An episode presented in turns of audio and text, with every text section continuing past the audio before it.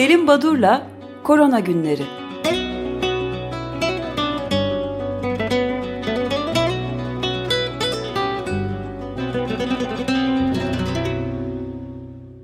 Günaydın Selim Badur, merhabalar. Günaydın efendim, merhabalar herkese. Günaydın. Günaydın Özdeş, günaydın Feryal. Şimdi bir gün gelecek bu korona günleri e, programını bitireceğiz herhalde. Ortadan kalkacak ne zaman bilmiyorum pandemi ama e, ama bittiği günlerde de herhalde sizlere e, teknik masadaki e, bütün zorlukları üstlenen e, Feryal'e diye herkese teşekkür edeceğim ama bu zor süreçte beni yalnız bırakmayan valilerimize ayrı bir teşekkür edeceğimi şimdiden belirteyim. Bu hafta sonunda beni yalnız bırakmayan Ordu valisi oldu. Vali Tuncay Sonel. Pandemi İl Genel Kurulu'nu topluyor ve oradan bir karar çıkıyor. Bu karar ilginç. Durumun ciddiyetini, ağırlığını göstermek için iyi bir bilgi, veri. Ordu Devlet Hastanesi'ndeki prefabrik binada bulunan poliklinikler kapatılıp yoğun bakıma dönüştürülecek. Personel otoparkının altında prefabrik yoğun bakım inşa edilecek. Ordu Üniversitesi Eğitim Hastanesi'nin yemekhanesi boşaltılıp yoğun bakıma dönüştürülecek. Demek ki Ordu'da hastanelerin otopark ve yemekhaneleri yoğun bakıma dönüştürülüyor. Bu ilginç bir bilgi. E, ne yapacağımızı konuşurken, alınan önlemleri eleştirirken, şöyle değil böyle olsun derken durumun nereye doğru gittiğinin önemli bir göstergesi. Nitekim Diyarbakır Tabip Odası Başkanı Elif Turan da e, kusursuz fırtına tehlikesiyle karşı karşıyayız diyor. Ankara Tıp Fakültesinden Profesör Doktor Necmettin Ünal da rekorlar kırıyor olabiliriz. Benim üniversitemde yani Ankara Üniversitesi Tıp Fakültesi'nde yer yok. Diğer hastanelerde de Ankara'da yer kalmadı. Antep'ten, Diyarbakır'dan hastalarımıza yer bulun diye arayıp yalvarıyorlar. Şu anda yoğun bakımlarda yer yok diyor. Zaten Sağlık Bakanı da şimdiye kadar yoğun bakımlarımızın durumu çok iyi deyip duruyordu. Son e, açıklamasında Perşembe ya da Cuma akşamı e, yoğun bakımlardaki durumun %70'leri geçtiğini söyledi. Bütün bunlar olurken hani e, e, kimler nereye gidiyor, AVM'ler toplanılıyor, işte asker uğurlamaları, e, düğünler falan. E, bir de e, hani buna programda yer vermek ne kadar doğru ama birazcık ülkemize, ülkemize özgü bir e, dram. Şanlıurfa'nın Eyyubiye ilçesine giden iki şarkıcı Demet Akalın ve Alişan için Şanlıurfa Belediyesi Cumhuriyet Parkı Sosyal Tesis'teki restoran koronavirüs yasağına rağmen açılmış ve büyük bir yemek verilmiş. Hani bu yasakken yapılmış bu. Demek ki e, bu tip e, ayrıcalıklar oluyor. Evet ben bir de ufak şey ilavesinde bulunayım. Üstelik bu yasağın çiğnenmesine ilaveten yani söylediğiniz çok iyi oldu. İlaveten bunun video görüntüleri var. Yemeklerin sergilendiği ve bundan sonra nerede ne yiyeceğiz muhabbetini de internet üzerinden sosyal medyada paylaşılması gibi e, bir de üstüne üstlük durum var yani. Ve bunlardan vazgeçilmeyecektir. Yani, ne diyeyim.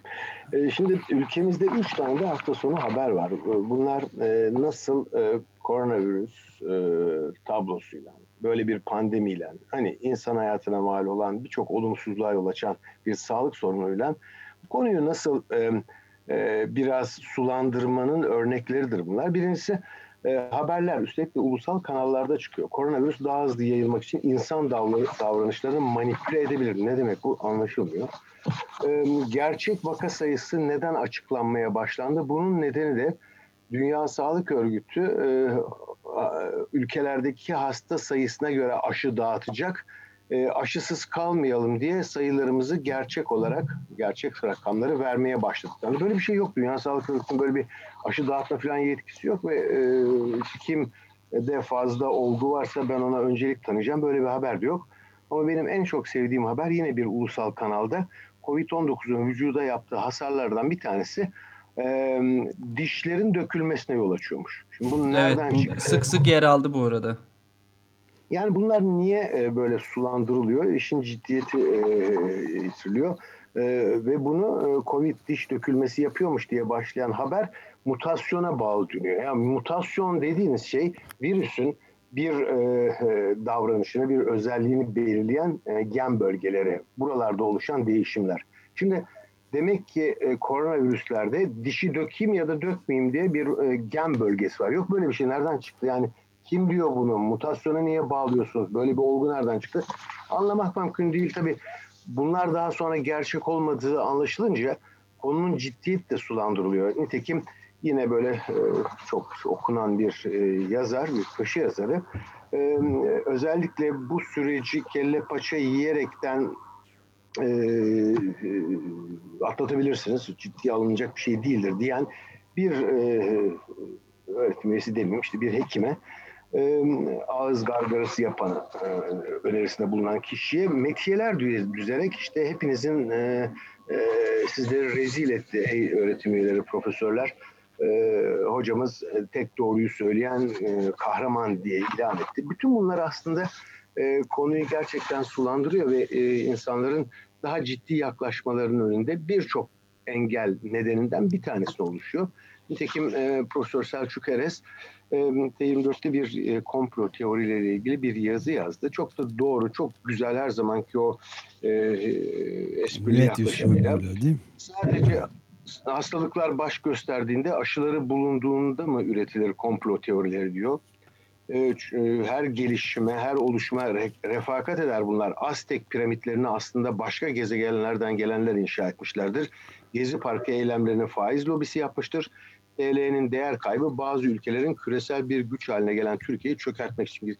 Yani komplo teoriyle o kendi üslubuyla, o hoş üslubuyla dalga geçen bir yazı öneririm. Ee, bu arada tabii niye bunu e, sıralamışım notlarımın arasına? Hemen bu komplo teorileri ve bu haberlerden sonra üniversiteye giriş sınavlarında yarım milyon kişi barajı geçemedi. Bunlar ne ilgisi var bilmiyorum ama araya kaçmış bir kağıt.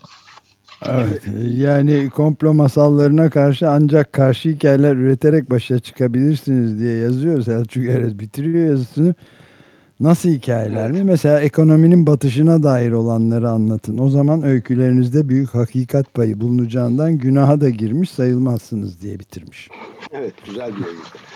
Ee, siz bahsettiniz uzun uzun e, üzerinde konuşmayan Profesör Doktor İbrahim Akkurt bir salgında önemli olan doğru ve şeffaf bilgi sağlamaktır. Bir şeffaf bilginin önemine vurgu yapmış. Alıntı yaptığı kişi de John Barry e, New York Times'ta yazdığı 1918 e, influenza salgınından alacağımız en önemli ders e, gerçekleri söylesin, söyleyin yazısıydı. Buradan hemen e, JAMA dergisinde e, çıkan e, hafta sonu çıkan bir yazıya değineceğim. E, 2020 pandemisinden 7 kritik ders çıkartılmasından bahsediyor. Bunlar arasında esnek sağlık sistemlerinin oluşturulması, kurulması ki bunun içinde örneğin çok varsıl ülkelerin e, sağlık sistemleri e, çok iyidir denilen ülkelerin sağlık sistemlerinde nasıl çöktüğünü, e, bırakın hastaları sağlık çalışanlarını bile koruyamadıklarını, onun için bu konunun çok farklı ele alınması gerektiğini belirten birinci madde var. İkincisi e, bu e, John Byrne'in yazısıyla ilintili olduğu için hemen e, sonrasında söylüyorum liderlerin e, topluma nasıl gerçekleri yansıtmalarının e, liderlik vasfının nasıl olması gerektiğine değiniliyor.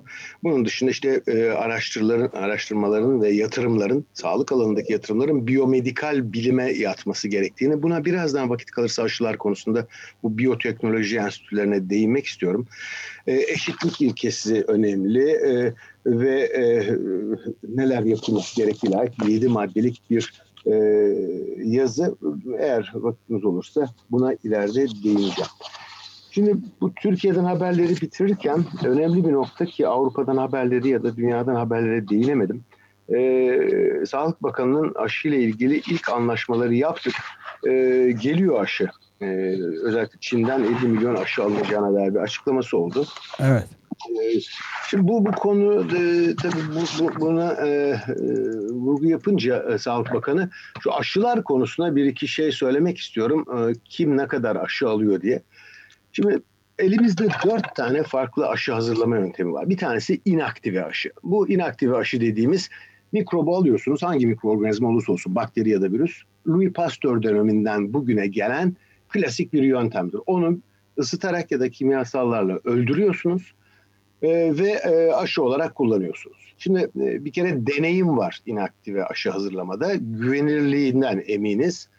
Güçlü antikor yanıtı yapar ama rapel gerektirir. Ölü mikroorganizma olduğu için bir süre sonra e, düşer e, oluşturduğu uyarı. E, o nedenle rapel doz yapılması lazım. Yani ikinci, üçüncü aşılamalar gerekebilir. bir de hazırlaması zordur. Çünkü siz bol miktarda mikrobu üretmeniz lazım. Burada hele virüs olduğu için virüs kültürü yapıp virüsü çoğaltmanız lazım. Bu çoğalttığınız bütün virüsleri öldürmeniz lazım. Virüsün bir bölgesine e, moleküler biyoloji yöntemleriyle çoğaltmıyorsunuz. Bu inaktif aşının özellikleri.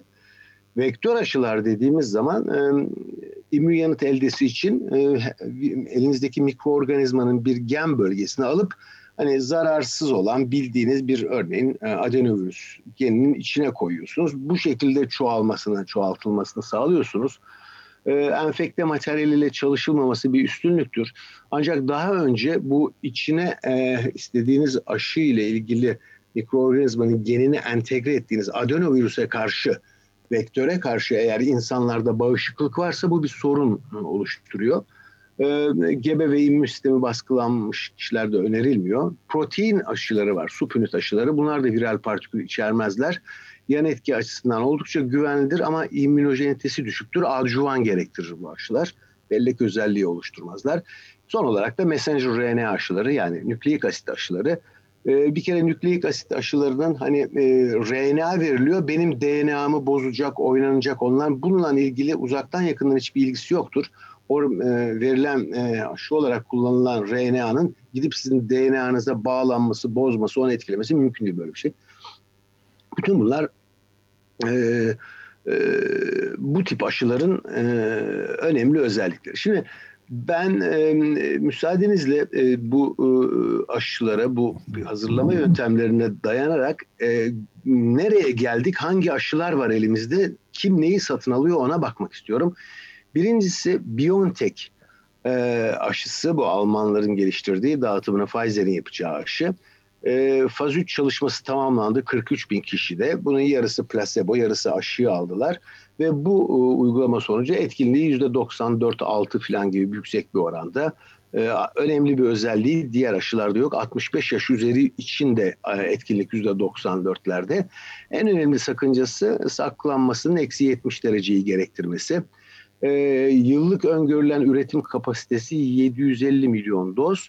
Bugün için kim kontrat yaptı bu Biontech aşısıyla? Japonya, e, sayı e, verdikleri siparişleri ya da yaptıkları miktar e, kontrattaki miktarı söylemeyeceğim ama Japonya, İngiltere, Amerika Birleşik Devletleri, Kanada, Avrupa topluluğu, Meksika, Avustralya e, BioNTech'le e, anlaşma yaptı. Modern aşısına gelelim. O da bir RNA aşısı.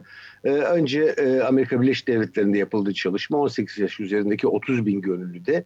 Bu 30 bin gönüllünün e, önemli bir bölümü de e, 65 yaş üzeri ve kronik hastalığı olanlar. Yani yüksek risk grubundakileri de çalışma kapsamındaki gönüllüler grubuna aldılar. Bu önemli. Ee, beklenen ve sıradan yakınmalar dışında bir e, yan etki yok. 94 civarında bir etkinliği var. Kim anlaşma yaptı Moderna ile? Avrupa Birliği ülkeleri, Japonya, Kanada ve İsviçre. Üçüncü yaşı Oxford e, Üniversitesi'nde hazırlanan. Pardon oraya geçmeden bir tek şey söylemek istiyorum lütfen. Ee, İngiltere'nin de herhalde Britanya'nın da anlaşması olsa gerekir.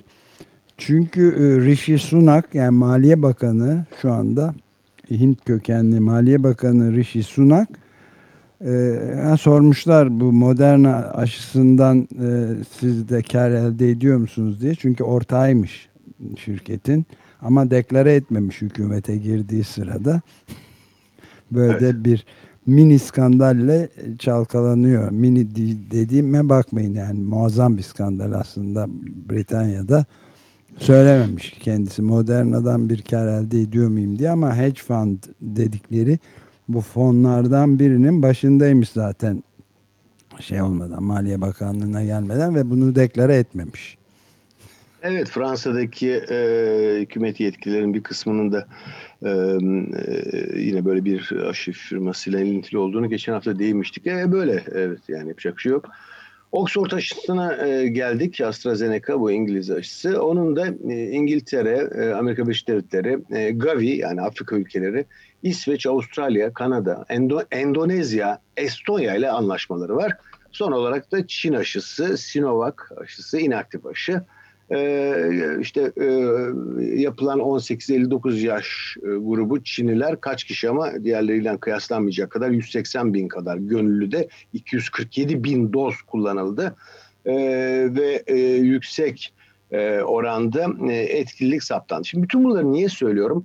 Bütün aşı firmalarının bir, birinci özellik şimdiye kadar hiçbirisinin bilimsel hakemli dergilerde yayına çıkmadı. Bunların hepsi basın açıklamalarıyla elde ettiğimiz bilgiler. Yani kaç kişiye uygulandığı etkinliği kaçtır falan. Bunu unutmamak lazım. Buradan ikinci bir özellik e, firmaların bu basın bildirilerinde yaptıkları açıklamada işte görüyoruz Estonya'dan e, Endonezya'ya, e, Vietnam'dan bazı Afrika ülkelerine kadar kimle anlaşma yaptıklarına dair e, isimler e, belirtiliyor ama Türkiye yok bunların içinde hiç. Hiç bahsedilmiyor. E, bu e, Sinovac'ta da mı yok? Hayır yok Sinovac'ta da yok şu anda. Şu an için bahsedilen yani Sinovac'ın basın açıklamasında yok. Ama biz faz 3 çalışmasını bakan, sürdürürüz. Bakan açıkladı halbuki ama ama o ya Sinovac haklı zaman, ya bakan haklı. Pardon. Bir de Aralık ayında biz e, aşıya başlıyoruz demişlerdi. E, bakalım e, o öyle olacak mı? Tam emin değilim ondan. Bunlar önemli konular. Şimdi bu bütün bu işler olup biterken bir de önemli bir nokta. Biraz önce bu alınacak dersler konusuna baktığımız zaman dikkat edildiğinde hep bize şu söyleniyor işte bu komplo teorileri aralarında bu yaşananlar çeşitli ilaç ya da aşı firmalarının e, yapay olarak yarattığı bir salgın buradan para kazanacaklardı. Birincisi e, elimde Nature Review of Drug, Drug Discovery e, dergisinin e, 19. cildinin 667. sayfada yayınlanan Lee e, isimli bir araştırıcı ve arkadaşlarının yayını var.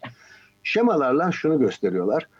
Kimler aşı üretiyor, aşı çalışmalarını ve ilaç çalışmalarını diye Bunların içinde bu Big Pharma denilen multinasyonel e, ilaç şirketlerinin payı tahminlerin altında yüzde üçler civarında.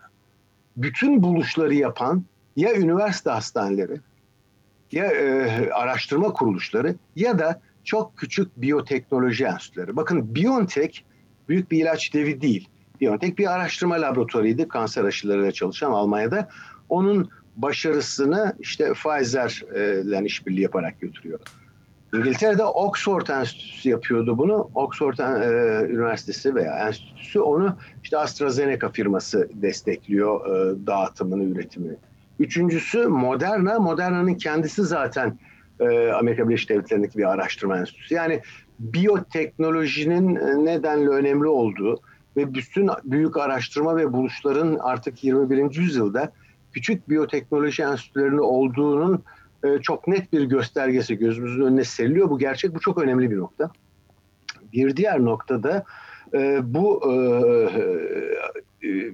aşılardan bahsederken Amerikan aşısı İngiliz aşısı, Çin aşısına güvenilmez falan deniyor. Bu beni birazcık gülümsetiyor çünkü şimdi hangi firmaya bakarsanız bakın BioNTech'in e, Pfizer'le yaptığı anlaşma. Pfizer Amerikan şirketi, BioNTech Alman şirketi. Üretim nerede yapılıyor? Çin'de yapılıyor, Güney Kore'de yapılıyor, Hindistan'da yapılıyor. Bu AstraZeneca'nın. AstraZeneca'ya geçiyorsunuz. AstraZeneca Hindistan'ın Pune kentinde yapıyor. Ee, yani büyük firmalar zannediyorsunuz ki Amerikan şirketi o üretimini Amerika'da yapıyor. O çok daha iyidir falan. Böyle bir şey yok. Herkes zaten üretimini Asya ülkelerinde yapmakta. Bu da unutulmaması gereken ilginç bir durum. Ayrıntısına daha sonra bakarız. Şimdi sürem doluyor biliyorum ama e, Fransa'dan bir de e, Amerika'da, e, Avrupa'da iki e, e, ilginç olaya değineyim bu Covid ile ilgili. E, Cumartesi günü Fransa ve Belçika gibi e, e, Batı Avrupa ülkeleri iki haftadır sürdürdükleri e, kısıtlamaları bir son veriyorlar. Yavaş yavaş kademeli olarak açıyorlar. Fransa bir karar aldı. E, dükkanları açtılar. 8 metrekareye bir kişi düşecek şekilde dükkanların ya da alışveriş merkezlerinin içine insan alıyorlar. Bu arada kiliselerdeki dini törenler için 30 kişiyle kısıtlama yasağı var. Bütün Paris'teki önemli e, din liderleri toplanmışlar. Ya diyorlar örneğin Saint Sulpice Kilisesi 6170 metrekare. 30 kişi koyduğunuz zaman bu kilisede 205 metrekareye bir insan düşüyor. Nasıl oluyor da dükkanlarda 8 metrekareye bir insan düşmesi mantıklı geliyor da Kiliselerde 200 metrekare, 205 metrekare bir insan düşüyor. Böyle şey olur mu yani? Biz daha mı kıymet, yani kıymetimiz daha mı az e, alışverişten diyorlar. Herhalde öyle. Ee, evet yani sema, semavi ile mali olan arasında fark var. Evet çok güzel özetlediniz. Teşekkür ederim. Ee, şimdiki e, Avrupa'da da aşı dağıtımı e, nereden yapılacak? Frankfurt Havalimanı'ndan bu belirlendi. Lufthansa'nın kargo bölümü Cool Center 8000 metrekarelik bir yer ayırdı. E, tıbbi ürün taşıyacak e, aynı anda 5 uçak e, inebilecek, boşaltma yapacak. İki refrijeratörlü remork devreye girdi. Isı sorunu kadar Uluslararası Hava Taşımacılığı Kuruluşu şimdiye dek hiç olmamış hacimdeki ma, e, tıbbi malzeme taşınmasından bahsediyor. Biraz önce hani farklı aşılar e, artık nerede zannetmeyin Amerika'da falan üretildi demiştim. Rusya'dan da bir haber. E, Rusya önceliği kime ver, verecek biliyor musun? Sen dünya sağlık çalışanlarına ve e, e, kronik hastalığı olan belirli bir yaş üzerindeki bireyleri aşılayacaktı. Rusya'da kime aşılanacak öncelikli olarak? Güvenlik görevlileri. Askerler. Dört, evet, bonus, bravo Özdeş. 400 bin asker öncelikli olarak aşılanıyor. Ee, peki ne, Rus aşısı nerede üretiliyor? Sanmayın ki e, Moskova'da üretiliyor. Hindistan'daki hetero. Ah ben buna da Uygurlar falan diyecektim. ya Sputnik ve aşılarını faz 2 faz 3 çalışmaları Hindistan'da sürüyor. 50 ülkeden de 1.2 milyar doz sipariş var. Ee, ve e, sadece Hindistan değil Brezilya, Çin ve Güney Kore'de üretim var. Ee, özellikle bu Hindistan'da Pune kenti biraz önce Oxford Üniversitesi'nin aşısını da üretecek demiştim. 6 milyon flakon e, üretildi. Ee, Selim. Bey çok minik bir sorum olacak. Evet. Özür dilerim. Evet. Hepsi şirket, özel şirket mi bu aşı üretimi yapanların? Yani kamu ee, yok mu hiç? Var işte mesela Oxford Üniversitesi var. Tamam. Yani Kendi, o bir şirket değil. Kamu diyorsun. Değil. Değil. De var yani e, Avustralya'da Queensland Üniversitesi var. E, hı hı. Ben şu anda faz 3'ü tamamlayıp işte haber bültenleriyle duyurusunu yapan e, en ileri aşamadaymış gibi görünen aşılardan bahsediliyor. İşte Moderna'nın aşısı, Oxford'un aşısı, BioNTech'in aşısı, Çin'in aşısı gibi ama onun dışında birçok farklı ülkede Güney Amerika'da, e, Orta Doğu'da e, senin bahsettiğin gibi e, farklı ülkelerde örneğin e, Avustralya'da var üretenler. Lokal üretim yapacak olan e, çalışmalar da var ki bizdeki gibi değil çok daha ileri aşamadalar. Aşamalara gelmişler. E, Fransa'da da Saint-Rémy-sur-Avre diye bir e, küçük yerleşim biriminde enjektabl steril flakon üretmek konusunda çok e, yetkin bir kurummuş. O da e, BioNTech aşısının dolumunu gerçekleştirir. Bakın BioNTech aşısı Alman, sponsoru e, Amerikalı, şişeler Fransa'da üretiliyor, üretim Hindistan'da yapılıyor. Yani çok e, çok böyle çok zengin bir işbirliği. Son bir nokta e, daha değinip bitireyim. E, yine Ali Bilge'yi kızdırmayayım. E, hafta sonu bir Nobel, Hedef Nobel serisi bir e, dizi konferans oluyordu beni davet ettiler. Orada bir konuşmam vardı Covid ile ilgili. Amerika'dan birisi dinlemiş bu programı, izlemiş ve kendisi Açık Radyo'da dinliyormuş. Doktor Derin Alar. Kendisi şöyle bir e, not gönderdi, bir mail gönderdi. Amerika Birleşik Devletleri'nin zengin bir yöresinin fakir bir bölümünde aile hekimliği uzmanlık eğitimi görüyorum. Böylece sağlığın sosyal belirleyicileri ve sağlık sistemindeki zengin fakir ayrımını çok düşündüğüm konular tedavi ettiğimiz hastaların birçoğu Meksika ve diğer Orta Güney Amerika ülkelerinden gelen göçmen tarım çalışanları Kaliforniya genelindeki yüksek kiralar ve tarım sektöründeki düşük maaşlar yüzünden bu çalışanların çoğu bir evde 3-4 farklı aile olarak yaşayıp evde kal uyarıları olsa da olmasa da işe gitmek zorundalar. Doğal olarak Covid hastalığı toplumun bu bölümünde çok sık görülüyor. Dünyanın birçok yerinde de aynı sorunların yaşandığını biliyorum.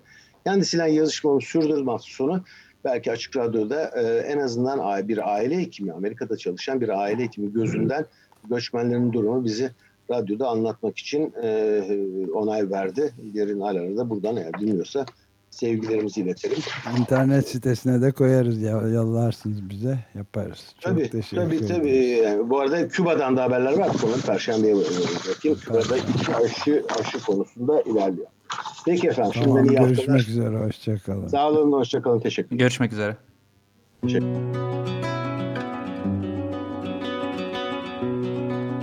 Selim Badur'la Korona Günleri